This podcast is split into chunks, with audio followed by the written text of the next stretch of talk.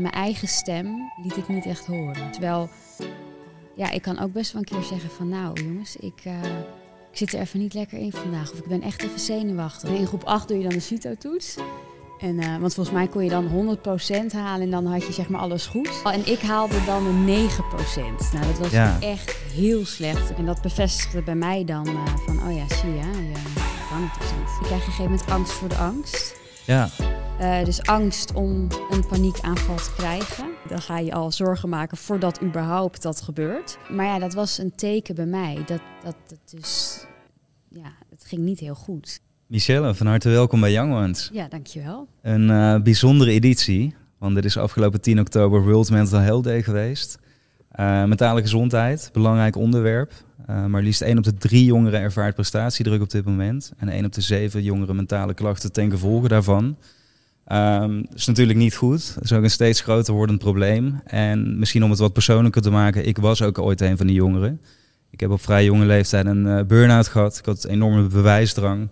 En uh, vandaar dat ik ja, dit onderwerp nog meer een warm hart toedraag en het belangrijk vind om het hierover te hebben. Ja. Omdat zeker als je kijkt naar mentale gezondheid, uh, ja, voorkomen beter is dan genezen. En het daar samen over hebben is een belangrijk onderdeel weer van dat voorkomen. Dus ik ben blij dat je hier vandaag bij me bent, Ja. zodat wij het erover kunnen hebben. Goed onderwerp. Zeker. Heel belangrijk. En heel veel eigenlijk wat je zegt, 1 op de 3. Exact, ja. Dat is echt bizar. En het toffe vind ik ook waarom dat jij hier bent, is omdat ik jou heel vaak online voorbij heb zien komen. Um, en ik sprak iemand die jou kent en die zei van, hé, hey, dit past goed bij Michelle om het hierover te hebben. En toen zei ik van, dat vind ik interessant, want ik heb dit nog niet vaak van haar naar voren zien komen. Nee. Dus misschien een kleine cliffhanger, want ik ga even naar onze andere twee gasten. Spannend. Want wat ik daarnaast belangrijk vind, ik zei het tegen jullie allemaal in het voorgesprek al, ik ben net 30 geworden. Dus ik voel me nog super jong, maar of ik nou echt een jongere ben, dat is dan uh, de vraag. Die vraag is verder ook helemaal niet relevant, want ik denk van ja, als je het over een onderwerp wat jongeren aangaat gaat hebben, dan doe ik dat liever met jullie dan alleen maar over jullie. Dus Lars en Iris, uh, ook heel erg fijn dat jullie erbij zijn vandaag. Bedankt voor de uitnodiging. Ja, zeker. Dat erbij zijn. Want um, last but not least, we maken deze bijzondere serie in samenwerking met Mind. Uh, jullie zijn ook een tijdje onderdeel geweest van Mind Young. Als je daar meer over wilt weten, dat komt later in deze aflevering wel. Um, maar vandaar dat ik jullie ook op het spoor ben gekomen of andersom. En uh, ja, wij gaan een mooi gesprek gaan voeren vandaag. Cool. En Michelle, om uh, bij jou te beginnen. Ik ben heel erg benieuwd. Wat moet ik over jou weten? Of wat is belangrijk om over jouw jeugd te weten? Als ik de persoon die nu hier tegenover me zit goed wil begrijpen. Um, nou, uh, mijn ouders die gaven mij eigenlijk wel altijd de ruimte om te doen wat ik wilde. Um, wij hadden een uh, gezin thuis wat eigenlijk niet echt een standaard gezin was. Dus het was niet zo dat uh, mijn ouders een 9 tot 5 baan hadden en ja, van maandag tot en met vrijdag werkten. Ja. Um, Wat deden ze dan? mijn vader die, die is piloot, dus die was ook nachten weg. En nou, daar was geen ritme eigenlijk. Ja. En um, waardoor ik eigenlijk ook daar op een gegeven moment ga je dan naar de basisschool en naar de middelbare school. En dan, dan, ja, dan zit je natuurlijk wel in een ritme. En dan moet je natuurlijk gewoon om, weet ik, voor half negen op school zijn. En dat vond ik heel moeilijk. Um, en ik had ook gedacht, nou, als ik klaar ben met de middelbare school en misschien met mijn studie, dan ga ik ook nooit meer in zo'n vast ritme zitten. Ja. Bijvoorbeeld, ik snap niet dat je van maandag tot en met vrijdag dan moet werken en dan heb je twee dagen weekend. Uh, dat vond ik heel moeilijk. Dus ik dacht, nou, dat, als, zodra ik zeg maar uh, voor me, ja, als ik zeg maar klaar ben met mijn studie dan um, en moet gaan werken, dan moet ik iets gaan verzinnen om uh, ja, eigenlijk vrijheid te hebben. Ja. Ik denk dat dat voor mij het belangrijkste was. Ik wist dat toen nog niet. Nu ben ik daar wel achter dat ik gewoon in mijn werk echt vrijheid nodig heb. En uh, zodra ik dat niet heb, dan, uh, dan, ja, dan voel ik me beklemd. En um, ik ben eigenlijk best wel creatief, maar dan ben ik helemaal niet meer creatief. Ja. Dan blokkeer ik eigenlijk. Dat weet ik nu inmiddels, door natuurlijk dingen te hebben meegemaakt. Zeker, ja. Um, maar um, ja, dus wel vrij opgevoed. Um, ik denk wel, ik had wel faalangst vroeger. en dat vooral denk ik uitte zich dat in toetsen op school. Ja. Uh, dus uh, ik had bijvoorbeeld, ik weet niet of jij dat ooit hebt gemaakt, de entree-toets. Nee. Dat is zeg maar een voorloper. Misschien hebben jullie dat wel Ja, gemaakt. dat Ja, heb ik ook wel meegemaakt, ja. Ja, dat is een voorloper op de CITO-toets. Dus volgens mij doe je dat in groep 7 of Ja, klopt. Mhm. Oké. Ja, en in groep 8 doe je dan de CITO-toets. Ja. Ehm, en eh, met de entree-toets, ja, dan, dan dacht ik van, ik ga, dat, ik ga dat toch wel slecht maken. Dus dan ging ik alles gokken. En dat is, dat is gewoon die faalangst, was dat. Ja. Eh, ja, nou ja, daar kwam natuurlijk echt een, een, een heel slecht resultaat uit. En, eh, want volgens mij kon je dan 100% halen en dan had je zeg maar alles goed. Dat is zo lang geleden. Dat, nou, jullie eh, weten dat niet meer. Nou, in ieder geval, en ik haalde dan een 9%. Nou, dat was Ja. echt heel slecht. Ik was dan de slechtste van de klas. En dat bevestigde bij mij dan eh, van, oh ja, zie je, je, je kan het dus niet. Ja. En ehm, eh, uiteindelijk eh, nou ja, bleek dat ik het wel kon. Ehm, en, ehm, maar ik denk dat, dat in mijn jeugd faalangst en onzekerheid eh, best wel een groot ding was. En, ehm, en dat heb ik ook wel eh, gemerkt in eh, de jaren dat ik eh, ging werken en op mijn studie. Ehm, dus ik herken, wat jij net vertelde, herken ik wel heel erg goed. Ja. Ehm, en daar heb ik ook wel mee gedeeld. En nog steeds af en toe wel eens. Maar wel minder dan eerst. Ja. Precies. Het is wat meer gestabiliseerd, Ja. om het zo te zeggen. Ja, je wordt wat ouder en je hebt wat meer meegemaakt. En op een Ja. gegeven moment weet je beter wat je, wat je, ja, wat je wel kan en wat je niet kan. Ehm, dus nu, eh, nou, nu gaat het wel steady.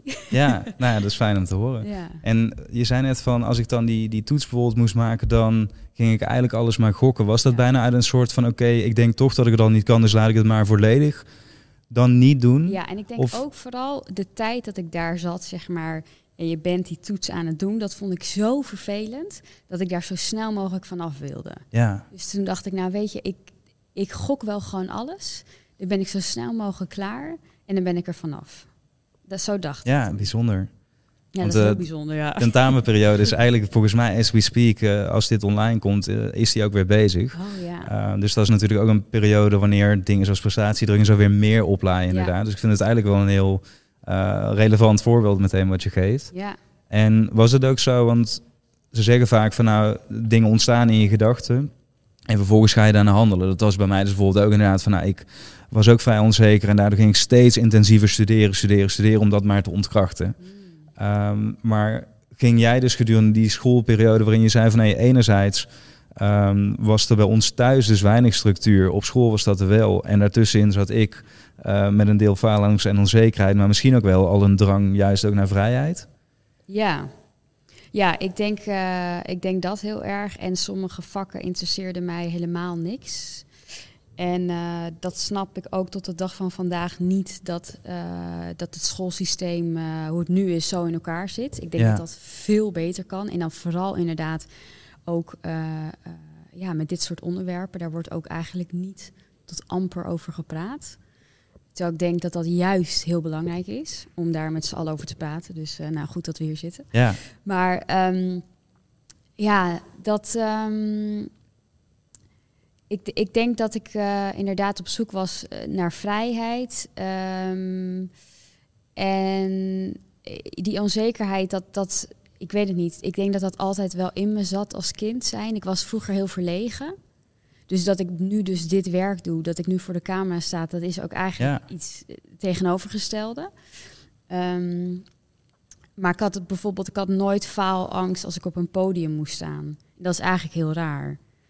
Uh, dus ik had faalangst met toetsen en allemaal dat soort dingen. Dat ik dacht dat ik dingen niet kon of Ja. niet goed genoeg was of misschien niet leuk genoeg. Uh, en als ik dan uh, op een podium iets moest doen, maar dat was voorbereid, dat was ik altijd voorbereid. Precies, dan had je controle. Dan had ik controle erover en dan ging het goed. Ja. En dan had ik niet die angst. Dus Want dat hoe- is heel gek. Hoe ben jij dat, dat vak ingerold? Want ik zei al van ja, ik ken jou voornamelijk in beginsel van thumbnails vanuit de Telegraaf, bijvoorbeeld op YouTube. Ehm, toen ben ik Ja. mijn research gaan doen en kwam ik erachter dat jij eigenlijk eerst juist achter de schermen bezig was. Dus veel met regie bezig geweest, zelf monteren en film en dergelijke. Ja. Dus op een gegeven moment maak je dan wel, denk ik, vrij bewust die keuze om te zeggen van nou, ik ga inderdaad voor de schermen in de spotlight staan. Of hoe is het gegaan? Ehm, nou, ik heb regiedocumentaire gedaan, dus een filmopleiding. En inderdaad vanuit daar, eh, ja, leerde ik eigenlijk hoe films te maken of video's te maken, content te maken. Uh, daar interviewde ik dan wel al mensen, maar dat deed ik dan achter de camera. Ja. En um, ik merkte daarin dat uh, ik filmde en ik edit zelf en zo. Um, maar ik ben helemaal niet technisch. Dus dat, ik liep daar elke keer tegenaan. Van, Ja. uh, ja, dit is gewoon niet helemaal mijn ding. En ik merkte dat het inhoudelijke, dus echt de gesprekken met mensen, dat vond ik het interessantst. En toen was er een gegeven moment, nou ja, een job bij de Telegraaf. Het stond online en iemand stuurde het ook naar mij. En daarin uh, kon je alles doen. Dus uh, filmen, editen. je moest redactieervaring hebben, ook productieervaring. Maar ook ervaring met presenteren. En ik, had, ik was wel eens gevraagd voor af en toe eens iets kleins te presenteren. Toen dacht ik, oké, dat is best leuk, want dan ben ik dichter bij de inhoud. Ja. Um, en dan, uh, dus ik dacht, nou ja, ik, ik, ik ga het gewoon proberen. Ik werd aangenomen. En um, eigenlijk eerst was het in het team, want wij moesten bij de Telegraaf moesten wij het YouTube-kanaal een beetje uh, voor jongeren uh, meer aantrekkelijker maken.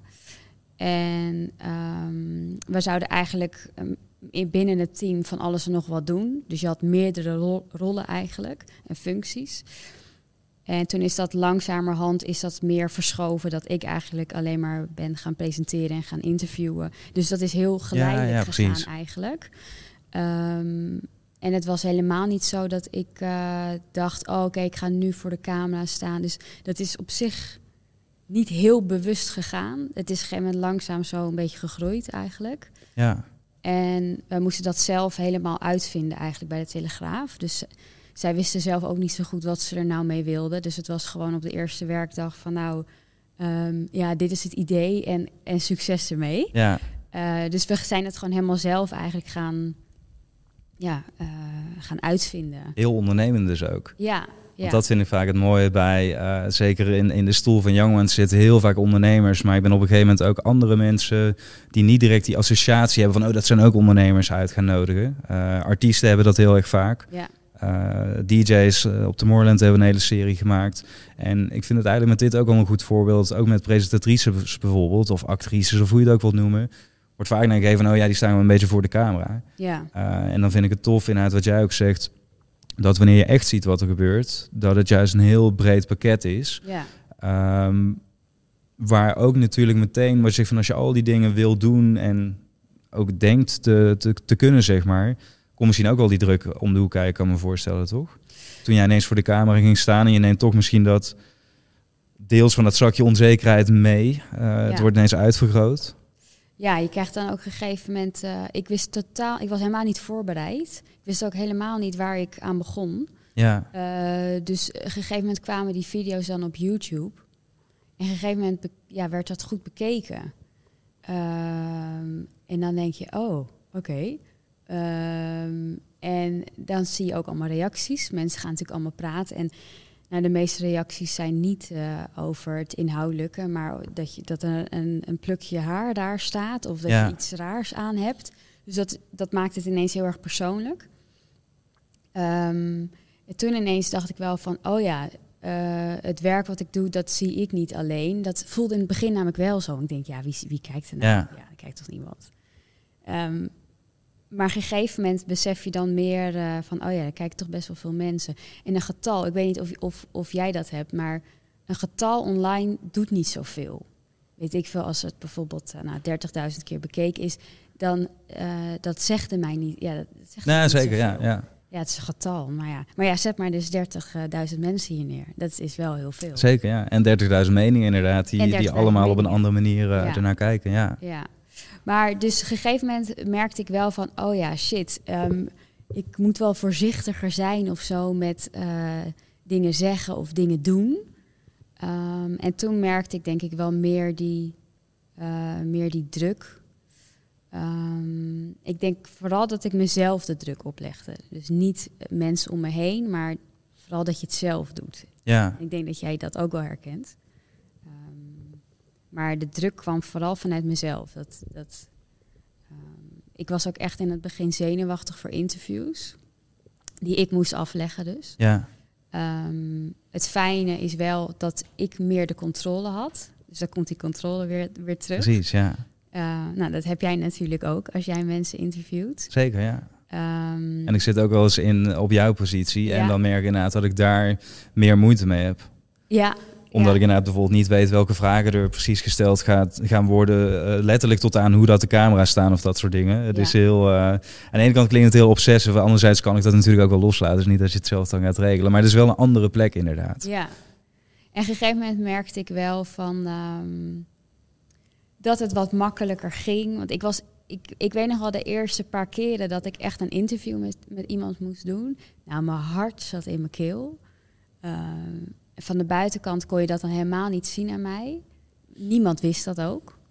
Ehm, en toen die tijd vond ik dat ook heel stom om te zeggen. Want ja, je moet, je moet professioneel zijn en... eh, ja, het had geen toegevoegde waarde in mijn ogen om dan te gaan zeggen dat je heel erg zenuwachtig was. Ja, Ehm, maar eh, eigenlijk apart ook hè. Wat je zegt, dat heel vaak professioneel inderdaad of zakelijk wordt geassocieerd met een soort coolheid. En ja, alsof je maar niets van emotie eh, Ja. eh, mag laten zien. ja, Terwijl ik heb er een soort nieuwe definitie van mezelf voor gemaakt. Dat het, ook in mijn ondernemerschap probeer ik het juist heel erg te combineren. Van enerzijds rationeel heel strategisch zijn over bepaalde dingen. Maar anderzijds gevoel en emotie juist prima, weet je wel. Ja. Daarmee kun je echt de connecties maken. En, en dat mag er ook juist ja, heel menselijk. zijn, ja. ja. ja, en dat vind ik eigenlijk juist het, het mooie aan als ik met mensen praat.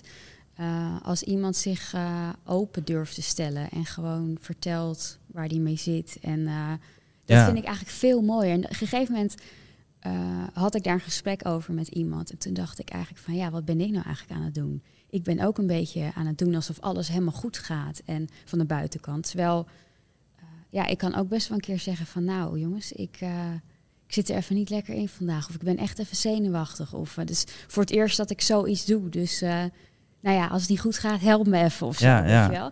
En uh, toen ben ik dat dus vaker gaan doen. Dat ik gewoon wel eens dat zei. En toen merkte ik van, uh, oh, dat, dat, dat, valt echt iets van me af. Want uh, je gooit het een soort van gewoon open. Je stelt je kwetsbaar op. En Ja. heel vaak zie je dat mensen dan ook terug gaan zeggen... oh, dat herken ik. Of nou, dat had ik ook laatst. Of dat heb ik nu Ja. ook bijvoorbeeld. En uh, toen dacht ik, uh, dit is eigenlijk zoveel mooier om je, nou ja, wat open, uh, wat meer open te stellen naar andere mensen. Want iedereen Zeker. wel eens met iets. Het maakt het vooral voor jezelf een heel stuk fijner, inderdaad, wat je zegt. En om dat misschien even te doen, Lars, als ik jou eh, dit vraag. De situatie die Michelle net schetst, eigenlijk dat je misschien een keer voor werk ehm, ja, ergens iets aan het doen bent of moet doen, maar dat wel spannend vindt. Heb jij wel eens iets soortgelijks meegemaakt waarvan je inderdaad dacht van hé, voelt niet helemaal comfortabel, maar ik zeg het toch maar niet, want dat past niet in deze setting? Uh, ja, zeker. Maar ook al toen je begon over je schooltijd, dat ik ook denk van, ja, jeetje, dat ik hetzelfde ook met tentamens. En dan kon ik helemaal misselijk in zo'n ruimte zitten. En dan word ik ook alleen maar angstig voor dat ik me nog slechter ga voelen. Uh, dus een beetje die bijna hyperventilatie om te falen en uh, om je nog slechter te gaan voelen als je moet presteren. Daar heb ik heel erg last van gehad. Uh, tijdens, ja, ik zit nu op het einde van mijn HBO-studie. Ja. Uh, maar op het begin van de HBO-studie had ik er heel erg last van. En op een gegeven moment heb ik het toch maar aangegeven. En mocht ik de rest van mijn tentamens, de hele HBO-periode, in een aparte ruimte maken. En toen kon ik lekker gewoon tot mezelf komen. En kon ik heel chill die tentamens door. Maar op een of andere manier, ja, soms, Oh, moet, je even, ja, soms moet je even, inderdaad wat jij zegt, je mond openen en delen met Ja? anderen. En dan schijnt Ja. het de normaalste zaak van de wereld te zijn. Want er zijn meer zoals jij en meerdere mensen die er last van hebben. Heb je dat dus ook zo ervaren toen, nadat je dat had verteld? Dat je ja, dus, absoluut. eh, Ik werd heel chill ontvangen en ik wist niet eens dat die opties er waren, weet je wel, om je tentamen ergens anders te maken als je last had van angstklachten of ja, die prestatiedruk. ja. Uh, maar dat bleek dus wel zo te zijn en toen dacht ik van, oh ja, ik hoef het helemaal niet gek te vinden. En toen, kon- toen dacht ik ook van, oh ja, dan durf ik het ook wel tegen mijn klasgenoten te zeggen. Maar het is ergens eerst een beetje gênant dat je denkt van, dat al die klasgenoten vragen van, ja, waar ga jij nu heen? Ja, ik ga naar een apart kamertje. Ja. Uh, maar uh, ja, het wordt heel snel geaccepteerd. En zolang je er maar open over bent, want anders dan ga je het in je hoofd erger maken. En wat vinden andere mensen van mij? En nu krijg je alleen maar te horen, ja, zo cool dat je... Toevallig afgelopen weekend sprak ik weer een oud klasgenoot. Die zei, wat cool dat je altijd zo open was. En ik zie echt dat je je hebt ontwikkeld en uh, hoe ver je bent gegroeid. Toen dacht ik van, nou, ik ben blij dat ik er open over ben geweest. Want nu kunnen Ja. andere mensen ook zien hoe, wat voor stappen ik heb gemaakt. En het is heel fijn eigenlijk om te horen en om daar bewust van te zijn. Dus, ja, eh, wat goed zeg. ja. Maar ook dat je ehm, daardoor het voor jezelf gewoon fijner maakt, zo'n situatie. Ja. En beter maakt. Ik zou willen dat ik dat had, joh, gedaan. Want eh, had jij, herken jij ook dat je eh, dan bijvoorbeeld zo'n toets moest maken en dat je dan ehm, eh, met van alles en nog wat bezig bent, in, behalve wat je eigenlijk zou moeten doen? Ja, zeker. En ik denk vooral een beetje, ik weet niet of jij dat ook herkent, maar echt gewoon de, ja, de gedachte van hoe je je voelt of zo. Dus op een gegeven moment, ja, want eh, presteren, er komt gewoon heel veel stressgevoelens bij kijken. Dus eigenlijk, ik denk dat dat voor mensen ook heel belangrijk is, maar om in te checken in je lichaam en daardoor dus te vinden en niet in je koppie. Want dan, Ja. want dan ga je, ja, die Ja. angstgevoelens gaan zich helemaal, ja, je komt eigenlijk in een visuele cirkel terecht. En dan, Ja. ja, en dan ben ik vooral ook heel erg bang dat ik, eh dat ik knock-out ga of zo, of ga flauwvallen. En, eh, Oh, dat heb ja. ik ook heel vaak gehad, ja. Ah, nou, nice. Kijk. ja, nou, we Ja. gaan straks even praten. Ja, Ja. ja. Ho, niet schrikken, even een kleine onderbreking. Misschien heb je tijdens het bekijken of beluisteren van deze aflevering het gevoel alsof het over jou gaat. Een gevoel van herkenning. Misschien ervaar je zelf stress of druk, vind je het moeilijk om fouten te maken of lastig om keuzes te maken. En dan is het heel belangrijk om te weten dat je hier iets aan kunt veranderen. Maar de kans is groot dat je nog niet weet hoe dat je dit kunt veranderen. En daarom heeft Mind speciaal voor jou een gratis challenge gemaakt, zodat je vandaag nog het verschil mee kunt maken. Al duizenden mensen gingen hiervoor en hebben hier voordeel uitgehaald. En je leert bijvoorbeeld hoe dat je om kunt gaan met faalangst en perfectionisme. Hoe dat je meer vanuit je gevoel keuzes kunt maken. En hoe dat je af en toe even kunt uitschakelen, ontspannen en daardoor weer energie opladen om met frisse energie ook je dag in te gaan. Dus schrijf je in via de link in de omschrijving en maak vandaag nog het verschil voor je eigen bestwil. Ook wat jij zegt, het is natuurlijk wel een hele goede. Jij wist niet eens dat het mogelijk was. Nee. En ik denk dat de meeste eh, jonge mensen het niet aangeven. En ehm, dan weet je ook inderdaad niet, dan, dan gaan mensen je ook niet helpen. Nee, absoluut. Dus ja. dat is inderdaad Ja. dan een beetje stap één om het aan te geven. Maar dat vond ik wel heel moeilijk vroeger. ja, dat kan ik me voorstellen. Zeker omdat het in een taboe sfeer hangt. Ja, Eh, ja, dan voelt het ook iets als van, ja, maar dat heb ik niet, weet je wel. Want als er niet over gesproken wordt, ja, dan ga je het zeker ook niet op jezelf Nee. erkennen. En ik denk dat dat ook het belangrijke is, ook over depressies en dat, en dat soort zaken. Als, als dat meer besproken wordt, dan durf je het uiteindelijk ook wel oh, erin te herkennen. En oh ja, het is wat normaler, ik ben niet de enige. ja. Eh, ja. Maar Ja. ik denk ook dat die hand wat meer uitgereikt zou mogen worden. Want ik vind het ook wel gek bijvoorbeeld dat je die stap eerst moet nemen voordat je erachter komt dat die mogelijkheden er eigenlijk allemaal zijn. Ik zou denken van als bijvoorbeeld zo'n school, eh, HBO-school, nou wat proactiever zou zeggen van hé, hey, wij bieden dit aan, weet je wel, dat dan de stap ook wel wat makkelijker zou worden. Zeker omdat het zo'n, Ja. ja. nog zo'n onbesproken onderwerp is. Ik heb het zelf ook meegemaakt dat, dat de mogelijkheden heden uiteindelijk veel binnen mijn studie veel eh, breder waren dan wat ik dacht. Maar daarvoor moet je wel eerst je heel kwetsbaar opstellen voordat je eigenlijk pas die hand krijgt toegereikt. Ja, dat is juist zo moeilijk, wil je zeggen, in die positie waarin je dan zit. Dus Ja. dan wordt die, eh, die stap vaak juist niet gezet. Ja. Ja. Wat was voor jou het grootste dieptepunt? Als je naar die periode kijkt, want je zei van nou, uiteindelijk nu ben ik er eh, een heel stuk stabieler in geworden. Zeg maar, heb ik het niet meer zoveel last van. Maar Mm. klinkt alsof dat in een hele langere periode ook wel meer aan de orde is geweest. Ja, nou jij benoemde net dat het ook heel veel stress oplevert. Want je bent natuurlijk heel druk in je hoofd. Je bent eh, met van allerlei dingen bezig, eh, behalve eigenlijk dan echt het, je werk. En dat is heel zonde en dat kost heel veel energie. Ik was op een gegeven moment ehm, op een punt dat ik dan in de auto zat. eh, en dan reed ik zelf naar de locatie waar we dan moesten draaien. En ik deed vaak zelf ook de redactie en de productie en alles eromheen. Dus het is heel Ja. veel dingen. Nou, dat heb jij in het begin ook gedaan. Heel veel dingen eromheen. Ehm, en dan kwam je daar aan en dan eh, eh, was ik in de auto het inhoudelijk snel aan het voorbereiden. En dan kwam je aan op locatie en dan moest je meteen je interview doen. En ik merkte heel vaak de laatste ehm, eh, tijd, zeg maar toen, dat, ehm, eh, ja, dat ik eh, ja, een soort van angstaanvallen, paniekaanvallen in de auto had. Dus dan ging ineens alles draaien. Hm. En dan dacht ik, oké, nou ik ga nu een knock-out of zo.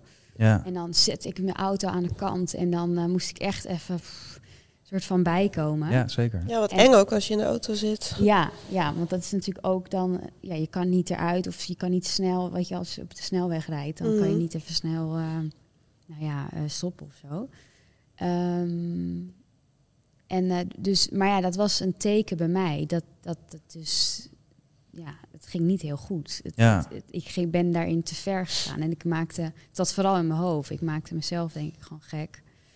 En ehm, dus het op een gegeven moment begon het bij mij eh, lichamelijk. En eh, toen dacht ik wel van oké, eh, er moet nu wel iets veranderen. Want nu ga ik er echt last van krijgen dat, het, dat mijn lichaam gewoon op een gegeven moment gewoon een beetje zo stop zegt. En dat zal jij misschien wel herkennen, want jij hebt een burn-out ook gehad natuurlijk. Ja, zeker. Ja, die paniekaanval is bijna een soort system overload natuurlijk. Van Ja. hier, hier stopt het. Ja, Ehm, dus toen ik dat voor de eerst kreeg, had ik, ik weet niet hoe jij dat hebt ervaren, maar precies van, ik weet niet, ik liep naar het station Tilburg. Ik had tentamenweek of iets dergelijks gehad. En ik weet nog dat mijn studenten, dit is misschien wel een verhaal om het ook iets eh, luchtiger te maken. Ik woonde in een studentenhuis en eh, met alleen maar mannen. En onze voordeur die werd eh, opnieuw geschilderd door de huisbaas of zo. Dus ze hadden de hele muur of de hele voordeur eerst geschuurd van die klusjesmannen en die gingen daarna weer weg. En mijn huisgenoten die vonden het heel grappig om vervolgens de deur roze te verven. Eh, wat op zich, weet je wel, ja, weet ik veel, studentenkoopschapje gezellig. best wel kan gebeuren inderdaad. Alleen ik zag dat en ik voelde me ook heel verantwoordelijk, want ik had dat allemaal geregeld of zo met die huisbaas. En het- ik weet niet dat er iets in mij bijna knapte al voordat ik wegliep daar, dat ik echt het niet trok. En toen liep ik naar het station en ik denk op de helft van die route of zo leek het alsof ik een hartaanval kreeg. Inderdaad, alles trok weg omheen, we- benen helemaal week, ehm, alles komt heel erg hard binnen. Eh, en ik dacht van, ja, hier, eh, hier stopt het. Wow. Ehm, dus ik ben een soort van door mijn knieën gegaan. Alleen ja, uiteindelijk stopt het dan niet, want je blijft wel bij. Ja. Ehm, en dat was de eerste paniekaanval van een, een reeks van velen inderdaad, maar wel ook de meest heftige. En daarna werd het wat meer van, oh, dit gebeurt er nu. En hoe kan ik hiermee eh, mee omgaan? Dus ik weet niet hoe jij dat in dat moment de eerste keer bijvoorbeeld dat zoiets gebeurd hebt ervaren en daarna. Ja, de eerste keer kan ik mij niet meer herinneren. Ik denk dat het heel geleidelijk steeds wat meer is geworden. Eh, maar op een gegeven moment merkte ik wel dat het, ehm, dat het steeds vaker kwam. ja. Het kwam op een gegeven moment in, in een week of zo had ik het eh, twee keer. Ja, en dan ben je er nog bewuster mee bezig. Want dan weet je gewoon, oké, dan krijg je op een gegeven moment angst voor de angst. ja, Eh, dus angst om een paniekaanval te krijgen. Nou ja, dan gaat het helemaal eh, snel. Want dan, eh, dan ga je al zorgen maken voordat überhaupt dat gebeurt. ja, en elke locatie natuurlijk die daaraan verbonden is, bijvoorbeeld auto, Ja. snelweg, is, ehm, Ja, is een probleem. ja, op een gegeven moment ging ik, nou, ik rij van mezelf altijd vrij hard. Maar toen ging ik echt zo rechte baan, heel langzaam, 80 Ja, op de snelweg rijden. Toen dacht ik, oh, dit is ook niks voor mij eigenlijk. Dit is gek. Ja, Ehm, maar gewoon omdat je bang bent dat dus zo'n paniekaanval gebeurt. Eh, ja, dus dat waren voor mij wel alarmbellen van dat is niet helemaal goed. En hoe ben je vervolgens, wat, wat, hoe heb je daarop gehandeld? Want het gebeurt dan steeds vaker. Wist je waar je aan de bel kon trekken? Of ben je het in je omgeving gaan delen of juist niet? Hoe heb je daarop... eh, Ehm, nou, ja, ik ben het wel in mijn omgeving gaan delen. Maar ik vond het heel moeilijk eh, ja, waar ik dan naartoe moest. Ik ben toen op een gegeven moment wel met een coach gaan praten. Ehm, maar ik merkte dat eh, ja, die paniekaanvallen gingen niet zo snel weg. En toen ben ik eh, op een gegeven moment ook gaan kijken van... eh, ja, wat kan ik veranderen zodat het weer, ja, zodat ik gewoon weer rustiger word. En toen ben ik op een gegeven moment wel gestopt met het werk waar ik toen mee bezig was. ja, Omdat ik het gevoel had dat, het, eh, dat ik ook wel veel dingen steeds aan het doen was wat niet helemaal bij mij paste. en welke tijd was dit? Kun je dat Eh, benoemen of is dat... eh, Dat is ehm, nu denk ik, even kijken, ja, twee jaar geleden denk ik. Ja, ongeveer. Twee jaar. maar als ik zelf even terugreken, dat is dus bijvoorbeeld de tijd dat ik jou vaak op YouTube voorbij zag komen inderdaad met die filmpjes heel veel bekeken werden. Ja, ja. Want dat is dan het frappant inderdaad, want ik kijk daar dan naar van het buitenstaande perspectief. En ik weet niet, hebben jullie bijvoorbeeld ooit video's gezien waarin Michelle zat van eh eh, Telegraaf onder andere? Ik ken niet. Mag Ik heb niet deze. voor- Ja, nee, dus geen, eh, geen verplichting hoor. Ik zag het ook ja, gewoon ik wel natuurlijk. Ehm, maar ook dat ik dacht van, oh, staat jouw naam er nu tussen voor, voor de podcast toen ik gevraagd werd. Maar dat is juist wel goed om er ook achter te komen. Ja, misschien ook wel in het makersvak, maar eh, je verwacht het natuurlijk nooit zo snel van mensen die eigenlijk komen heel zeker ook over. Ik bedoel, het, het heeft ook wel eh, iets nodig om zo voor de camera eh, dingen durven te vragen en een soort bepaalde zekerheid. Ja. Toch denk ik die, die, die angst van ja, wegkomt van een bepaalde onzekerheid. ja. Dat, dat, eh, Ja, het, het is, eh, nu lijkt het alsof natuurlijk die hele periode bij elke video Nee, nee, super was en zo. Dan was ik, had ik er denk ik niet meer gestaan. Maar het, ik denk dat het, eh, ehm, het, het, het is zeg maar de, nou, 95% of zo vond ik het superleuk en ging het altijd heel Gelukkig. goed. Maar ik merkte op een gegeven moment dat, het, eh, ehm, ja, dat je toch bepaalde dingen aan het doen bent wat niet helemaal bij jou past. Ja, En, en ook de, de, ja, nou de vele functies wat ik moest doen binnen een dag. Eh, wij moesten elke dag een video maken. En ehm, dat van moest- begin tot eind. Ja, dus gewoon 's ochtends ga je kijken, oké, wat is nu het nieuws? En die video moet gewoon om zeven uur online staan. Dus je hebt eigenlijk heel kort de tijd. En Ja, je moet samen met iemand ga je het alles doen. Dus ehm, ja, dat was af en toe wel even. Je had wel tijdsdruk vaak. En eh, dus ik denk dat dat bij mij ehm, een beetje een opgejaagd gevoel op een gegeven moment kreeg. Eh, ja. Maar je, je noemt iets wat ik heel ehm, treffend vind inderdaad. Want dat hoor ik bijna in elk verhaal waar dit eh, ter sprake komt. Dus, dus die klacht inderdaad. Maar dat is enerzijds iets doen wat niet helemaal bij je past. En daar Ja. kom je vaak ook pas naarmate je wat ouder wordt natuurlijk wel achter. Want ja, als je 12 bent dan weet je nog niet precies wat er bij je past.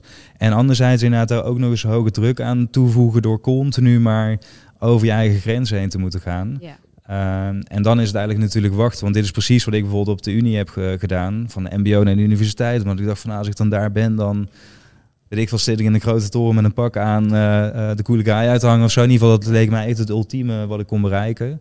Ehm, terwijl uiteindelijk, toen ik het eenmaal allemaal had gedaan en met die burn-out thuis kwam, toen zag ik ineens van, oh, het enige wat je acht jaar lang aan het doen bent geweest, is bewijzen naar anderen hoe goed je bent. Ja. Of dat je goed genoeg bent.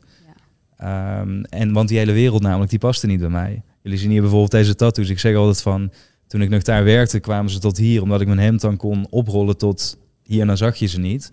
Omdat eh, in de advocatuur over het algemeen het niet echt wenselijk is dat je er zo eh, bij loopt. In ieder geval niet op de, op de Zuidas en zo. Ja. En alleen dat al voelde voor mij inderdaad niet vrij. ja, je kon niet helemaal jezelf zijn. Exact, ja. Ja. Ik weet niet dat ik tegen mijn maats heb gezegd, zei van mam, ik wil tattoos op mijn handen kunnen hebben. En toen werd ze meteen helemaal gek natuurlijk. Zei ze, ja, dat moet je niet doen. En zei ik, nou, maar alleen al het idee dat de mensen waarmee ik omga dagelijks dat geen probleem vinden, dat geeft me een heel vrij gevoel. Dus daar staat het dan meer symbool voor. Ja. Ehm, dus ik herken dat wel inderdaad. Van als je niet jezelf kan zijn de hele tijd en dat ook niet durft te uiten en hoge druk, ja, dan ben je gewoon een tikkende tijdbom natuurlijk. En hoe lang was die periode dan? Want na hoeveel tijd, zeg maar. eh, eh, want dat, dat, daar gaat wel, denk ik, een tijd overheen. Dat je daarna een burn-out krijgt. Dat krijg je Ja, niet zomaar ja, nee, heel lang, Dat ja. bouwt zich op door de jaren misschien. Ja, Hoe lang was dat? ehm, ik weet niet meer precies hoe lang het was. Ik denk vier of vijf jaar of zo. Oh ja, dat is Maar- best wel lang eigenlijk. Ja, maar ik weet wel ook wat jij zei met dat volledige pakket ehm, van dingen die je moet doen. Omdat ik op het mbo heel vaak had gehoord van... ja, jij bent niet slim genoeg om te studeren. Ga lekker iets met je handen doen. Kreeg ineens de smaak te pakken toen ik merkte van... hé, ik kan HAVO in één jaar halen. En toen ging ik HBO. Toen dacht ik van, nou, als ik die P even binnen tik... dan kan ik naar de Unie. Ehm, maar toen ik op de Unie kwam, daar stopte het niet. Toen dacht ik van, oh, daar kreeg je ineens horen van... hé, bestuursfuncties. Je kunt een honors program doen. Je kunt op exchange, je kunt een bijbaan... En ik zei bij alles, nou kom maar door. Want hoe meer ik deed, hoe meer schouderklopjes dat ik van iedereen in mijn omgeving geef. Van hey, jij die guy die, die ooit op mbo begon, doet nu dit. Ja. Je wordt bijna als een soort Steve Jobs gezien. Maar het is ook eigenlijk een beetje bewijsdrang. Want elke keer als je iets haalde, Zeker, ja. dan dacht je, oh, weet je wel, eh, dat is dus blijkbaar goed. Mensen Exact, zeggen ja. daar iets over. En eh, En het stopte, dat was het rare. Toen de laatste externe prikkel eh, was geweest, want toen deed ik alles wat er maar te doen viel. Toen begonnen de klachten ook te komen. Oh ja, Want toen viel die externe goedkeuring inderdaad weg. En toen was het gewoon van, nou, op het duur doe je gewoon wat je doet. ja. Net zoals een podcast bijvoorbeeld. Ja, de eerste die je opneemt, zegt iedereen natuurlijk, oh, wat tof dat je dat gaat doen. Nou, heb je er 50 gedaan, dan ben je ook gewoon een podcastmaker of zo. ja.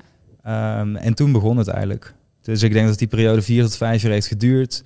Toen heb ik het nog een jaar ontkend en eh, maar aangemodderd inderdaad van de ene paniekaanval naar de andere. Totdat ik op het duur bijna niet meer naar buiten durfde. Omdat elke locatie zo'n associatie had.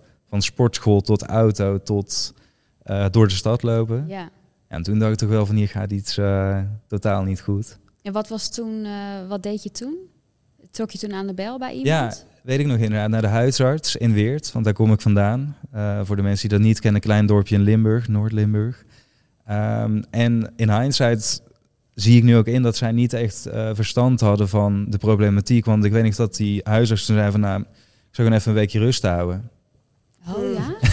Ja, Dus Dat was, eh, houden. dat was het advies inderdaad. Van, ja, gewoon even iets minder, want ja, je doet ook wel heel veel, maar de een weekje rust houden, dan is het daarmee eh, mee opgelost. Oh. Nou, dat was natuurlijk niet. eh, dus toen begon een heel lang pad van zelf uitzoeken van oké, waar zit het hem dan in? Wat gaat er goed en niet goed? Ook eerlijk zijn naar mezelf. En een keer het hele touw eigenlijk van je verleden gaan ontwikkelen of afwikkelen, hoe noem je dat? Om te kijken waarom ben ik nu zo geworden zoals ik ben en wat is daar misschien ook soms niet helemaal lekker in gegaan. Ja. Nou, heb je dat zelf gedaan of heb je dat in therapie? eh? Nee, dat heb ik uiteindelijk wel zelf gedaan. Inderdaad. Heb ik wel allerlei cursussen gevolgd van een Michael Pilarczyk. Ik weet niet of jullie die kennen, maar daar kwam ineens een boek eh, wat ik ergens zag staan. Ik dacht, alles wat ik kon aanpakken, greep ik aan. En wat voor me werkte, daar ja, bleef ik dan bij. En soms werkte dingen ook niet of nog niet.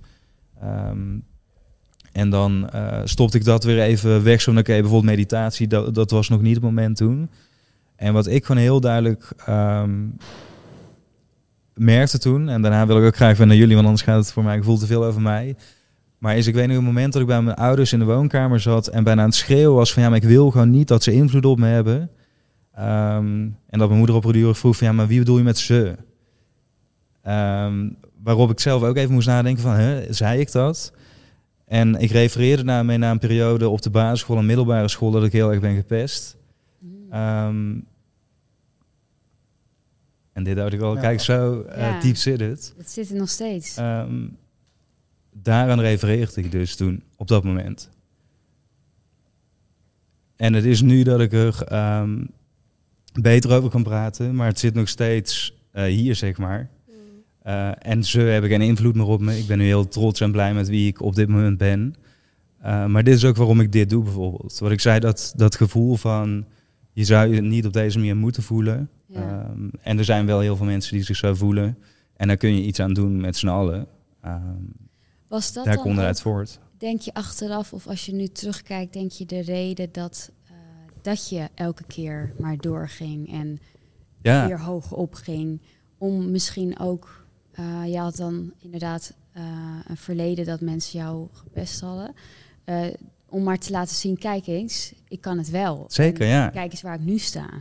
Maar Dus dat is was precies... eigenlijk een soort van een drijfveer om maar door te gaan. Ja, het was brandstof wat ik zei. Ik heb gewerkt van drie uur s'nachts tot twee uur s'nachts of zo. Het maakte allemaal niet uit. Het kon, kon niet op. Dan had ik dacht van, ik ga, dat was mijn, mijn drive. Ja. Dus het heeft ook, ja, anderzijds, ik denk ook vaak van, ja, is het goed of fout? Ja, daar kun je heel lang over gaan filosoferen. Het heeft me gebracht tot waar ik kwam. Maar ik ben dus wel heel blij dat rond mijn 22e die burn-out kwam. Ehm, en die heeft me gewoon even keihard op mijn plek gezet. En heel eerlijk eh, doen kijken naar de situatie, ook naar mezelf. Uh, en toen ben ik het gaan omdraaien. Dus toen zei ik inderdaad ook van oké, dat ondernemen of dat uh, advocatuur, die past ook helemaal niet bij mij. Muziek is altijd mijn passie geweest, want daarin kon ik mijn gevoel kwijt. Ondernemend ben ik al mijn hele leven, dus ondernemingsrecht deed ik. Ik zei van haal dat rechten eraf, ondernemingsrecht en muziek. En toen ging alles gewoon vanuit flow en alsof de weg vrij was, ontmoet ik ook de mensen die zeiden van hé, hey, we vinden jou cool, we, we passen bij jou, zeg maar. En dat klikte gewoon. En was, waren toen jouw angsten en die paniek, was dat, ging dat toen weg? Ja, heel snel. Dus En dit klinkt het- bijna als een soort, eh, weet je wel, daar, daar hou ik niet zo van shortcut naar of een Mm. eh, golden key. Maar in dat jaar daarna, inderdaad, los van alles wat ik had geprobeerd, toen ik die keuzes maakte en die knopen doorhakte, toen was het gewoon van oké, nu, eh, nu klopt het zeg maar gevoelsmatig. ja. En dan kun je dus ook weer wel een keer een dag 12 uur werken, want het is niet dat daar per se iets mis mee is. Je moet het denk ik niet te vaak doen. Ja. Eh, maar als je daar aan toevoegt van dat je jezelf niet kunt zijn, dan is het natuurlijk een recept voor... eh, ja. En als je terugkijkt naar je burn-out, ehm, zie je dat dan iets uiteindelijk als iets positiefs of, Zeker. of iets negatiefs? Heel positief. Want ik ja. hoor eigenlijk de meeste mensen die, dat, eh, die een burn-out hebben gehad, zeggen allemaal hetzelfde. Van uiteindelijk heeft het me juist eh, heel veel opgeleverd. Dat zag ik toen niet in die tijd. Maar Exact, ja. eigenlijk een soort van ben ik daar dankbaar voor dat dat is gebeurd. Want Ja. nu leef ik gewoon veel op een veel ja, fijnere manier en kan ik meer mezelf zijn. En Ja, ik, ik herinner me een gesprek met Lars wat ik eh, van tevoren had. Inderdaad, dat was niet met jullie twee samen, maar toen zeiden we van het voelt wel alsof iedereen deelde me op de snelweg inderdaad zit linkerbaan. Wat je zei, vol Ja. gas erop. Maar dat er nooit meer bij wordt stilgestaan dat je ook af en toe even eraf moet om naar het tankstation te gaan. En wanneer je dat dus niet doet, ja, dan is het eigenlijk wachten tot een ongeluk. Totdat je een keer slaap valt of zo'n keihard ergens opklapt. En dat is wat die burn-out voor mij was. We gaan nu maar eens even eerlijk kijken naar wat er allemaal is gebeurd. Uh, omarm sommige dingen ook van jezelf. Van dit is gewoon wie je bent en wie je wilt zijn. Dus je hoeft dat niet inderdaad te verbloemen, waar jij het ook over had. En neem in ieder geval die lessen mee en ga daar weer mee verder. Zeg maar, probeer het opnieuw. Zo, terug naar start en ja. uh, probeer het opnieuw. Ja. En dat is eigenlijk wel heel mooi natuurlijk, ten opzichte van wanneer dat het veel te laat pas uh, een keer gebeurt of veel later. Ja. Het is misschien ook zo fucked up om dat gewoon door te gaan. Het is gewoon echt heel kut eigenlijk als je je zo voelt. Maar het brengt je zoveel verder. En wat dat betreft kunnen wij denk ik ook allemaal wel ook weer blij zijn dat we op jonge leeftijd dit even doorstaan hebben. Want ik hoor soms ook wel mensen die zijn dan 50 of zo. En zeggen van, Lars, wat goed dat je openstelt over mentale gezondheid en zo. Want ik ben nou ja, nu uh, veel verder en kom er nu pas achter. Ja, je zal maar je hele leven lang je zeg maar aan anderen aanpassen en je eigen grenzen overgaan. Ja, ja. ja, dat is super vermoeiend. En dan, nou ja, hoe ouder je ook bent, hoe moeilijker het eigenlijk is om bepaalde mm. patronen aan te passen. Ja. En het is misschien heel vervelend, maar als je dat op jonge leeftijd al achterkomt van, ja, je bent ook een beetje op zoek toch van wie ben jij en uh, waar wil ik heen en waar wil ik voor staan. En als we dat dan toch op jonge leeftijd al ja, kunnen doormaken, dat, die, ja, dat proces. Ik denk dat het alleen maar heel waardevol ja. kan zijn voor jezelf. Ja. Hoe ervaar jij dat, Iris? Dat hele proces bij jou, want jij hebt ook op jonge leeftijd um, bepaalde klachten ontwikkeld en gekregen. Zie je dat als iets positiefs, waarvan je zegt van, oh, daar, daar haal ik nu juist heel veel uit? Of, of wat is je ervaring daarin? Um, ja, het heeft natuurlijk uh, mij ook veel gebracht in de zin van, ik kan nu uh, mezelf echt serieus nemen en keuzes maken die goed zijn voor mezelf. Um, ik denk dat het meer aan de therapie zelf heeft gelegen dan aan de depressies waar ik in ben gekomen. Dus dat ik er echt aan ben gaan werken, dat heeft er wel voor gezorgd dat ik nu zo kan kijken. Um, want het is natuurlijk wel een hele heftige periode geweest, ook een hele lange periode. Dus um, ja, ik kijk er nooit echt heel erg naar alsof ik er heel erg dankbaar voor ben. Ik denk dat ik vooral heel dankbaar ben voor uh, de spiegel die me toen is voorgehouden. En um, ja, hoe ik daar in therapie echt met mezelf uh, mee aan de slag ben gegaan. Ja. Dat, uh, dat heeft mij wel heel erg geholpen. En dat, dat maakt ook dat ik nu uh, ja, in het leven sta zoals ik erin sta. En heeft je dat ook bepaalde inzichten gegeven om daarmee aan de slag te gaan, waardoor dus is ontstaan? Los van dat niet alles hoeft natuurlijk een hele duidelijke reden te hebben, maar sommige dingen misschien waarvan je zegt van hé, hey, als ik er nu op terugkijk, zie ik wel wat daar toen misschien niet helemaal lekker is gegaan? Of hoe? Ja, dat is uh, een hele lange zoektocht geweest. Nu nog steeds wel. Want uh, nou ja, vaak het eerste wat mensen vragen als ik zeg van ja, ik ben depressief geweest. En uh, oh, wat is er dan gebeurd in je, in je jeugd of zo, ja. dat het zo is gekomen? Wat, wat, op welke datum is het allemaal misgelopen? Maar bij mij lag dat allemaal iets genuanceerder. Ik ben van mezelf al wel altijd onzeker geweest en een beetje stil. En ik was heel erg binnenvetter. En ik heb ook nooit zo goed mijn emoties leren uiten. Dus daarover praten vond ik heel moeilijk. En ik denk dat doordat ik dat zo jarenlang eigenlijk heb opgekropt en heb genegeerd, um, dat het daardoor zich in één keer heeft geuit in een depressie. En er zitten natuurlijk altijd ja. nog andere factoren aan. Maar ik denk dat dat bij mij wel grote reden is geweest dat ik uiteindelijk ja, een beetje hetzelfde als een burn-out, een soort van uh, noodrem heb gekregen in de vorm van een depressie. Waarin het gewoon was van oké, okay, nu moet ik echt even, ja, toch mijn emoties gaan uiten. Ja, dus wel even inderdaad ook ernaar gaan kijken en, en ermee aan de slag gaan. Ja. Want dat is natuurlijk ook wel wat we, want we zeiden, zeggen vaak van nou ja, ik ben natuurlijk een beetje onzeker. Ik denk dat uiteindelijk iedereen uh, er is natuurlijk niet iemand die altijd maar zeker is of altijd maar onzeker. Dus inderdaad, nee. jij zei het toen straks toch ook. Van, ja, de ene video ging misschien even wat minder lekker, maar het overgrote merendeel ging het ook wel weer gewoon wel lekker. Ja, ik denk dat het heel erg erom gaat hoe je dat uit en of je dat goed kan uiten. En of ja. je jezelf daarin serieus neemt. Ja, zeker. En, en ook voor mensen die het nu uh, kijken of luisteren, dat het dus ook niet is voor jezelf van oh. Um, dat het een soort van heel statisch is. Dat mensen die zeggen ik ben onzeker, dat dat uh, een soort zielepietjes zijn die de hele tijd in de kelder uh, uh, in de regen liggen te huilen, zeg maar. Maar dat het gewoon iedereen zijn zoals jullie en ik hier zitten. Ja. en dat het dus per situatie verandert. Van als ik nu iets moet gaan doen wat ik nog nooit heb gedaan, kan ik misschien ook heel, ineens heel onzeker worden. Dat is natuurlijk, en dan heb ik dit ineens 50 keer gedaan, zo'n setting, dan wordt het al veel comfortabeler. Ja, en dan is het dus ook juist fijn wat jij nu ook steeds meer doet om het wel gewoon uit te spreken. Ik denk dat dat echt een, eh, Ja, de key is om er ook wat meer beter mee leren om te gaan. zeker. Michel, is dat voor jou ook de reden? ehm, want ik vroeg me dat wel af dat ik dacht voor voorafgaand aan deze opnames. eh, jij laat natuurlijk online altijd een bepaald beeld van jezelf zien. Dat doet iedereen overigens, niet Ja. alleen jij specifiek. Maar ik dacht wel van oké, dit is aan de kant die ik nog niet of niet vaak van jou naar voren heb Ja. zien komen dat je over dit onderwerp eh, praat. Dus ik was meer benieuwd van waar nu. En ehm, is het iets wat ook meer zeg maar, bij jou is gaan horen van je zegt van nou daar wil ik ook over praten? Ja, dat is eigenlijk wel het afgelopen jaar. Ik denk dat ik eh, ehm, het afgelopen jaar daar veel meer mee bezig ben geweest. En ik denk dat het afgelopen jaar voor mij ook wel een beetje een zoektocht was. Waar jij het dan inderdaad eigenlijk ook over had. Ehm, wat wil ik wel? Weet je wel, wat, eh, wat Ja. past dan wel bij mij? Mm, en daar ben ik nog steeds een beetje mee bezig, maar ik weet dat nu wel veel beter. En ik had daar tijd voor nodig, want dat kost gewoon tijd.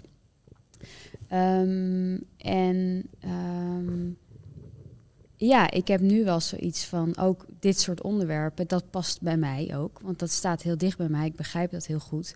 Ehm, en dit is eigenlijk denk ik de eerste keer dat ik er zo uitgebreid over praat. Ja.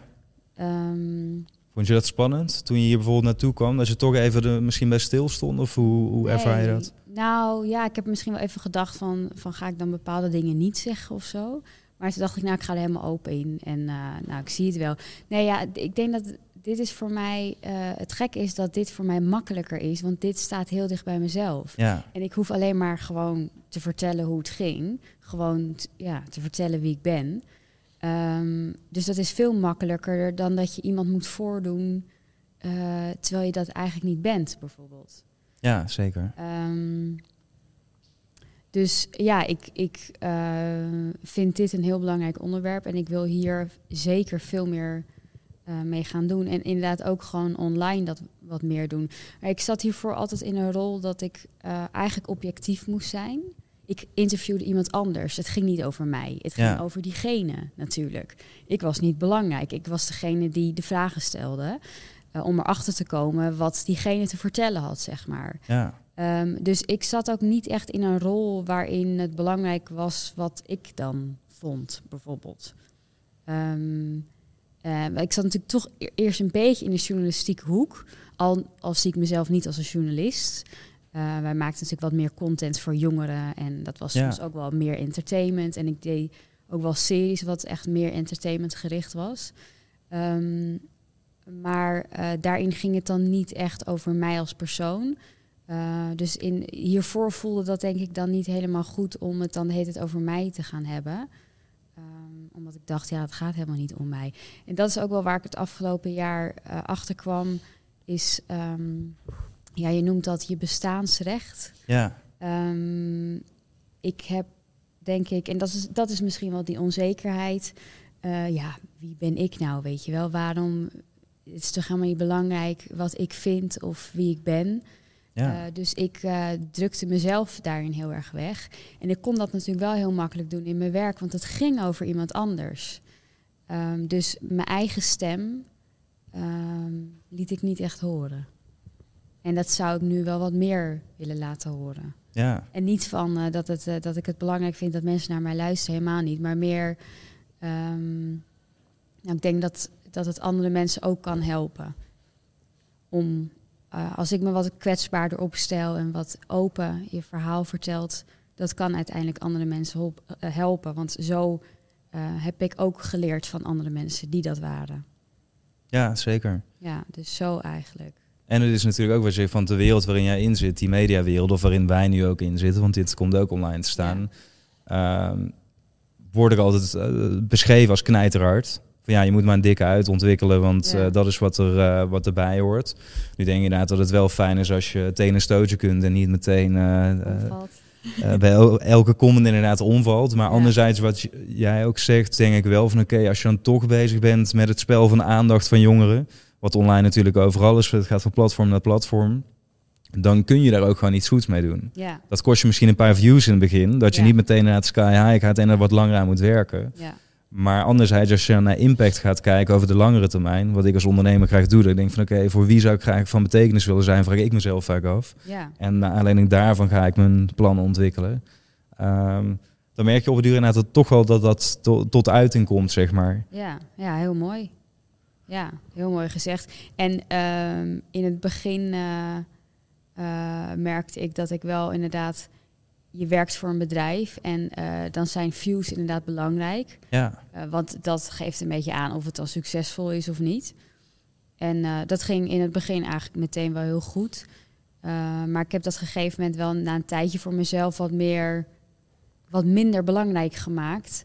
Want ik merkte dat ik bijvoorbeeld op een gegeven moment een item maakte over, over burn-out met jongeren. ja, En dat scoorde helemaal niet.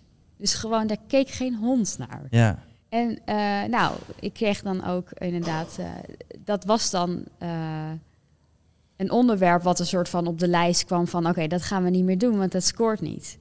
Terwijl ik zoiets Mm. had van, ja, maar dit is wel heel belangrijk. Het maakt mij echt helemaal niks uit hoeveel Ja. mensen er nou naar kijken, want eh, het blijft gewoon op internet staan. En het, ja, ik vind dat het iets heel belangrijks is. Dus ik merkte wel met onderwerpen wat ik belangrijk vond, maakte het mij niet zoveel uit wat, hoeveel views dat had. Tuurlijk, het is leuk als het meer, als het goed wordt bekeken om ja. mensen te helpen. Maar daarvoor deed ik het niet. Daarvoor maakte ik het niet. ja. Dus ehm, ik merk wel dat, ik, eh, dat het voor mij veel makkelijker is om dan inderdaad dingen te maken waarvan ik denk dat moet gewoon gemaakt worden. En dan de views, ja. Dan is het maken op zich al natuurlijk eigenlijk de, de Ja. reward of zo van eh, Ja. ja. En dat klinkt inderdaad heel cliché, want ik weet ook van mezelf, nogmaals, mijn rationele brein kijkt wel ook tijd naar die statistieken en wil het zien groeien. Maar ik heb heel vaak, net zoals met opnames zoals dit, maar ik heb ook een paar andere video's gemaakt waarvan ik, terwijl dat het lukte om die opname te, te creëren, zeg maar, dat ik al, terwijl we het aan het doen waren, heel erg dacht van ja, maar dit is gewoon al wat het moet zijn. ja. Uh, en dat andere staartje eigenlijk van hoeveel mensen het uiteindelijk bekijken of zo, daar ga ik mijn, ja, mijn geluk zeg maar, op dit moment niet meer van, uh, van af laten Nee. hangen. Ja, dan, dan ehm, haal je daar veel meer voldoening uit. Ja, zeker. Ja. Hoe is dat uh, bij jullie, Lars en Iris, um, als je kijkt naar social media gebruik en wat daar natuurlijk allemaal gebeurt, zijn jullie daar heel erg mee bezig of bewust ook niet? Um, nou, ik, wij hebben natuurlijk allebei een tijdje voor de Mind Young Studio gewerkt. Ja. En daar um, maakten we dus content voor jongeren over uh, mentale gezondheid. En uh, wat ik daar heb gemerkt is dat uh, we eigenlijk daarin wel een bijzondere positie hadden. Omdat wij dus en een beetje voorlichting gaven over hey, waar kun je nou terecht en ja. uh, wat voor klachten kun je nou allemaal ervaren. Maar dat we ook allemaal ons eigen verhaal hadden en dat ook uh, heel erg uitdroegen uh, in video's, in vlogs. Um, en dat maakte dat we naast heel veel ja, positieve commentaren ook heel veel soort van bijna dankwoorden kregen van wat fijn om uh, het eens een keer van iemand anders te horen, want ik heb dit ook. En uh, het is zo fijn om te zien dat uh, ja, daar nu gewoon echt over gesproken wordt. Dus we hadden in die zin wel heel erg een voorbeeldfunctie. En ik denk dat dat heel belangrijk is om dus niet alleen maar een beetje van bovenaf met een belerend vingertje te zeggen van ah, je moet gewoon gaan sporten en zo. Maar ja. om ook gewoon ja, daarin je eigen verhaal te vertellen. Ik denk dat het, de openheid van jezelf vooral maakt dat andere mensen ook uh, wat meer open kunnen en durven zijn. Dus ik, uh, ja, ik heb dat wel toen als heel erg positief ervaren. Ja, en ook daarin, zeg maar, en wat jij ook zei, misschien niet de hoeveelheid publiek krijgt, maar juist de juiste pu publiek Ja. voor wat, wat je maakt. Uh, ik denk dat dat ook als makers heel belangrijk is. Ja, wat zeggen views eigenlijk? Want ja, Ja, zeker als je impactvolle content wil maken, uh, ik denk dat dat vaak wel waardevoller is. Ja, en ik zeg ook met mijn eigen social media heb ik nu ook al van, ja, eerst dacht ik altijd van zoveel mogelijk delen, weet je wel. En, uh, zag alleen de leuke dingen. Alleen de leuke dingen Ja. en de, de Ja. pizzaatjes in je restaurant of je bord voor, voor wat voor je staat. Maar ik denk van ja, wat boeit anderen dat, dat eigenlijk? En ehm, zeker tijdens corona en zo, ik heb gewoon een keer drie maanden lang Instagram verwijderd. En dat vond ik eigenlijk heel chill. En sindsdien denk ik ook van ja, voor wie plaats ik dit eigenlijk? Ja, omdat ik het zelf leuk vind. Maar dat was dus eerst van, ja, ik wil eigenlijk een beetje toch wel stiekem de aandacht. En ik denk dat we dat allemaal toch wel ergens een beetje willen. Van, kijk mijn leven, wat, hoe gaaf is dit? Ja, Maar als je ja. dan even relativeert van ja, voor wie plaats ik dit eigenlijk en waarom doe ik dat? Eigenlijk uit eigen onzekerheid. Dat brengt mij wel veel verder en eh, veel meer rust in mijn hoofd. Dat eh, Instagram en zo is voor mij niet meer zo belangrijk. Nee. ja, om dat niet te hebben. En hoe zie je dat? Want jij maakt zelf ook eh, content, Ja. eh, video en fotografie, toch? Als ik het goed Ja, heb. zeker. Ja. Dus jouw werk speelt zich wel ook in, in die omgeving af om, om in ieder geval aandacht voor je werk te krijgen. Ja, dat Zou je het daar lastig. wel weer voor doen dan? Of? Ja, maar dat vind ik ook zo lastig als, als je dan mediamaker bent, zeg maar. Eh, ja, ga je dan voor amusement. Maar ik merk gewoon voor mezelf dat ik nu weet van, ja, ik wil gewoon impactvolle content maken wat bijdraagt aan een betere wereld en om taboes bespreekbaar te maken. En dan hoeft dat dus niet voor de hoeveelheid te zijn eh, en de, de, de aantal views, maar zolang ik mensen kan inspireren, vind ik het in ieder geval heel tof. Dus ik weet in ieder geval waarom ik dingen zou willen Ja, ja. maken. En eh, dat ik niet daar bevestiging van anderen voor nodig heb. Of, eh, of ja, om mijn onzekerheid. ja, hoe zeg je dat? Mijn, Ja, daarmee te, te, te, te bevestigen, zeg maar. Ja, van je zoekt precies. naar bevestiging door middel van die views of die reacties. ja, precies. Ja. Dus ik weet nu gewoon waarvoor ik wil staan en wat ik wil maken. En dat vind ik eigenlijk wel chill dat ik dat nu al weet. Ja. zeker. En dat heb je zelf in de hand natuurlijk. Hè. Dat vind ik zelf ook wel fijn. Van oké, bijvoorbeeld het maken hebben we nu allemaal in hand. Wat je vertelt bijvoorbeeld, heb je erover nagedacht of niet?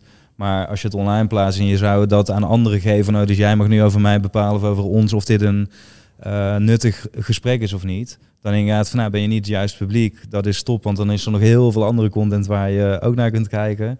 En voel je je wel iets bij. En dat is ook waarvoor we dit denk ik alle vier doen. Ja. Ehm, en ik zeg alle vier, maar hier om ons heen staan denk ik nog een man of zes. En daaromheen nog een hele schil van mensen die zich er allemaal voor inzetten. eh, om duizenden jongeren hiermee verder te helpen. Want wat ik in het begin al zei, dat is denk ik wel de kern. Ehm, als je niet van emotie bent, de statistieken zeggen precies hetzelfde. Dat het alleen maar groeit en groeit en groeit. Eh, mentale problematiek. En dat het dus niet iets is van alleen een bepaalde groep wel of niet, maar van iedereen. En waar we ook allemaal iets mee moeten. Ja. Dus ehm, wat dat betreft denk ik heel fijn eh, dat we dit gesprek nu hebben en hebben gehad. En mag ik jou nog wat vragen? Zeker, ja. Wat is, jouw, eh, wat is jouw droom in dit? Heb jij, heb jij een droom met dit of niet? Of ga je gewoon, eh, Ehm, je doet gewoon wat je leuk vindt? nou, ik doe en gewoon wat ik leuk vind. Maar ehm, wel met een hele duidelijke visie erachter. En dat is precies wat jij eigenlijk al zei in het begin. Als je het over scholing en opleidingen hebt. Ik heb me natuurlijk, dat heb ik nu al drie keer verteld, maar ben al die opleidingslagen doorgegaan. Van Ja. VMBO naar ehm, het hoogste. En alles wat ik eigenlijk heb geleerd, wat mij in mijn leven verder heeft eh, geholpen. Even los dan van zakelijk gezien inkomsten.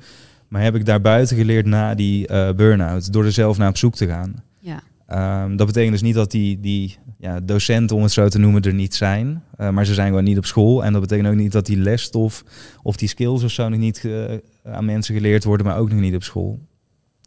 Dus wat ik heel graag wil doen, en daar ben ik door middel van content aan begonnen. Ehm, en dat breidt zich wellicht later nog uit naar andere uitingsvormen.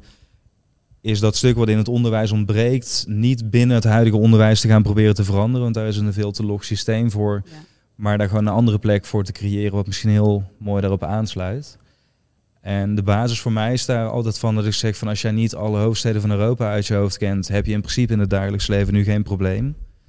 Maar weet jij bijvoorbeeld niet hoe dat je je persoonlijke financiën op orde moet houden, of hoe dat je dus je gedachten of de prikkels die je tot je neemt op orde moet krijgen, heeft iedereen van ons een probleem. Onafhankelijk van of je nou marketeer of content creator of whatever dan ook bent. Ehm, dus om dat kort samen te vatten, een gezond, gelukkig en welvarend leven is volgens mij waar we allemaal als mens naar streven. Eh, en bij geluk kun je dat weer koppelen aan relaties bijvoorbeeld, welvarend. Nou, iedereen heeft natuurlijk iets van inkomsten nodig om eh, dingen te doen die dat je wilt. En als je meerdere pijlers kunt creëren die daaraan bijdragen, net zoals wat jij bijvoorbeeld doet of wat jullie bij Manjang hebben gedaan, slash doen. eh, dat hoeft denk ik niet vanuit één instantie te komen. Dan wordt daardoor iedereen's leven een stukje beter. ja. Mooi verhaal. Ja, en daarom wil ik ook bij jou afsluiten. Want jij hebt er ongetwijfeld ook eh, veel over nagedacht. In ieder geval dan ook het afgelopen jaar, waar dat je het al over had. Eh, je bent zelf achter de schermen ook druk bezig geweest en nog steeds met een podcast die veel meer op dit soort thema's ingaat. Ja. Niet alleen mentale gezondheid, eh, moet ik erbij zeggen.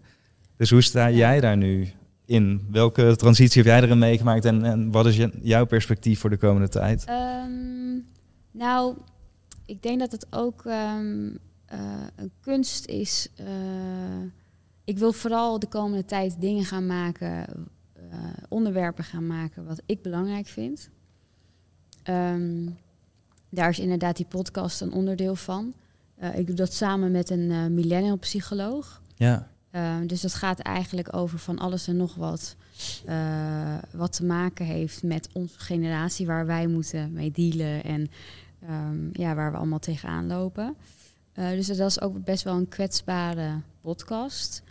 Eh, dus dat is voor mij een beetje stap één om eh, ja, meer mijn eigen stem eigenlijk te laten horen en eh, hoe ik Ja. over dingen denk. En, en ik, zei, ik wil gewoon veel meer de kant op met verhalen te maken om andere mensen te inspireren of te helpen.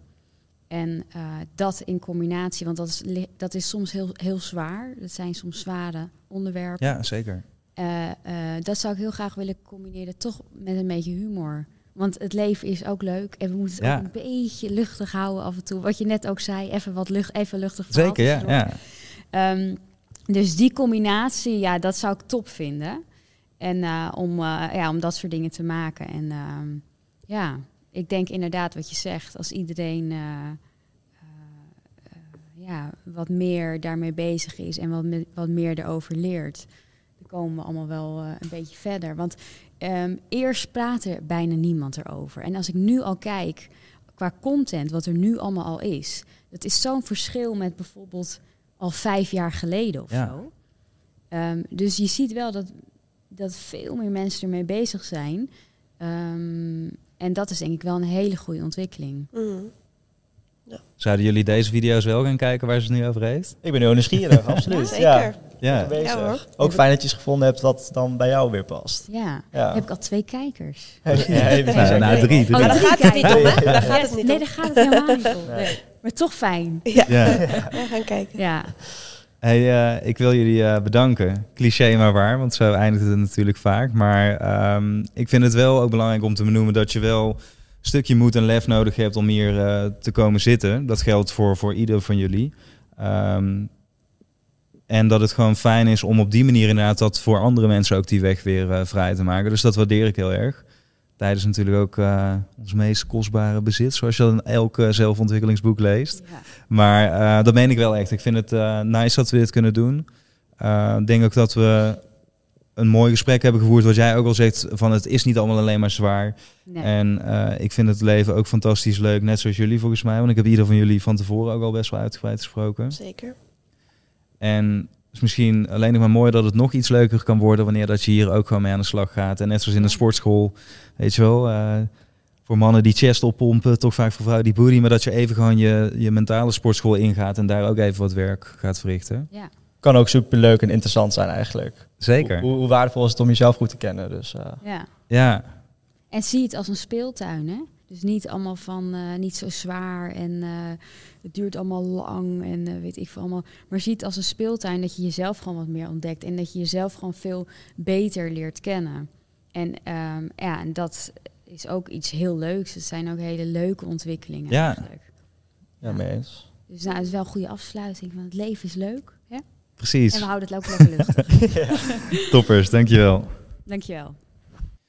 Had je tijdens het bekijken of beluisteren van deze aflevering nou een gevoel van herkenning? Alsof het over jou ging? Misschien doordat je zelf een bepaalde stress of druk ervaart. Misschien omdat je het moeilijk vindt om fout te maken of om keuzes vanuit je gevoel te maken. Dan is het heel belangrijk om te weten dat je hier iets aan kunt veranderen. Maar de kans is groot dat je op dit moment nog niet weet hoe dat je dit kunt doen. En daarom heeft Mind speciaal voor jou een gratis challenge ontwikkeld waarmee dat je vandaag nog het verschil kunt gaan maken. Duizenden mensen zijn al voorgegaan en die hebben een voordeel hiermee gedaan. Zo zijn ze beter leren omgaan met hun perfectionisme, leer je beter keuzes te maken vanuit dus dat gevoel en leer je dat je af en toe even kunt uitschakelen, kunt ontspannen, zodat je vervolgens weer opgeladen aan je dag kunt beginnen. Dus klik op de link onder in de omschrijving om direct te beginnen en maak vandaag nog het verschil voor jouw eigen bestwil.